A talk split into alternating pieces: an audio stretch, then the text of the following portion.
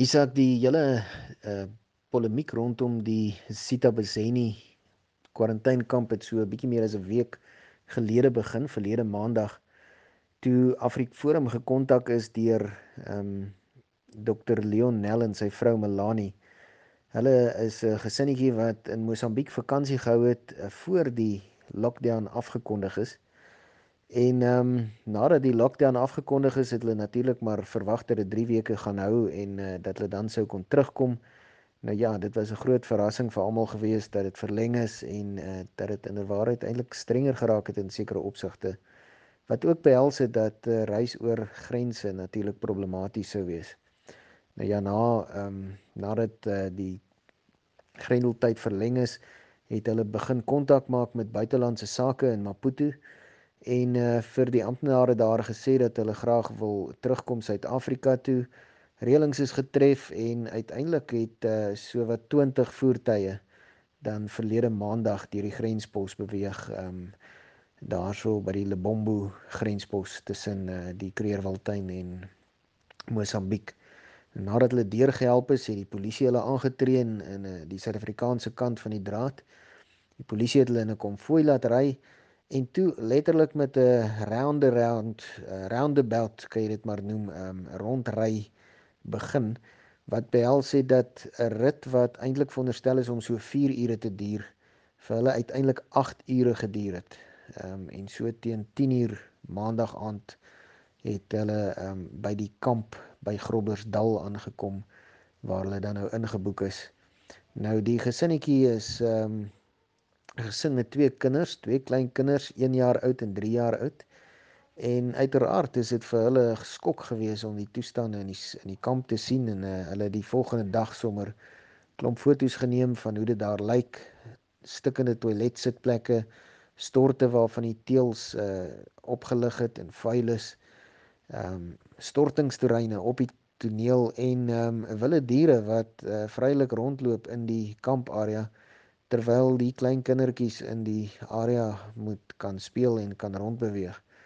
So glad nie bevorderlik vir bewoning nie, hoegenaamd nie eh, bevorderlik vir 'n kwarantainfasiliteit nie. Die higieniese toestande is hoegenaamd nie op standaard gewees nie en ja, ons het uh, dieselfde dag 'n brief geskryf aan die minister. Ehm um, ons het die volgende dag nadat die minister nie ons brief beantwoord het nie, 'n dringende hofaansoek uitgereik hier in die Pretoria se Hooggeregshof Die aansoek is vandag uiteindelik aangehoor en die uiteinde is dat ehm um, die staat besluit het om nie teenkanting te bied teen die bevele nie. Ek dink eh uh, daar was wyslik besluit dat daar nie werklik antwoorde is op die kwessie wat 'n uh, werklik ware humanitêre verleentheid vir die Suid-Afrikaanse regering is nie. Ehm um, en die bevel is toe onbestrede toegestaan dat uh, die persone wat daar aangehou word toegelaat moet word om tuis te kan isoleer en uh, dat daar 'n interdik toegestaan is teen die bedryf van die kwarantainkamp by Sitabazeni. Dit beteken dat daardie kamp gesluit sal moet word tot tyd en wyl hy herstel is tot op 'n uh, standaard wat aanvaarbaar is volgens wêreldgesondheidstandaarde.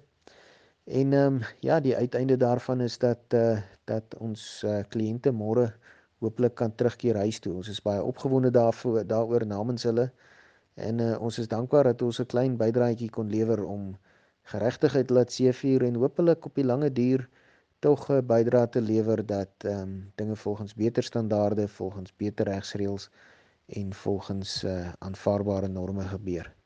Dit is maar 'n lang en 'n eindelose stryd, maar uh, die stryd gaan altyd voort met enige hofbevel wat 'n mens teen die staat kry en dit is hartseer dat mense dit in Suid-Afrika moet sê is dit bitter moeilik om uh, te verseker dat die staat hulle steur aan die hofbevel. Die bevel het ek nou vanaand met 'n brief aan die uh, betrokke minister, die betrokke LER en ook die staatsprokureur gestuur en ons het gevra dat daar gehoor gegee word aan die bevel teen nie later nie as 10:00 môreoggend. Nou ja, as daar gehoor gegee word, dan is dit goed so as dit nie gebeur nie, sal ons waarskynlik weer moet teruggaan hof toe om verdere bevele teen die staat te kry. Maar die belangrike is dat hierdie 'n humanitêre saak is, dit gaan oor menseregte en uh, dat ons danksy die ingrepe van die hof tog geregtigheid kon laat plaasvind. Dankie vir die geleentheid om te gesels en 'n mooi dag vir jou, Isa. Verkeersboetes behels meer as 'n klein ongerief met minimale gevolge. Jy kan 'n kriminele rekord kry of probleme teekom as jy jou rybewys of motorlisensie hernie en die metropolisie kan jou by padblokkades lastigval om die boetes te betaal. Fines for you vir minder moeite met verkeersboetes deur hul te monitor en vinnig, wettelik en effektief af te handel sodat jy nie die ongewenste gevolge hoef te dra nie. Ons spesialiseer in groot vlote en streef daarna om jou geld te bespaar. Kontak ons gerus op 011 867 7331 of besoek ons webtuiste by www.finds4u.co.za.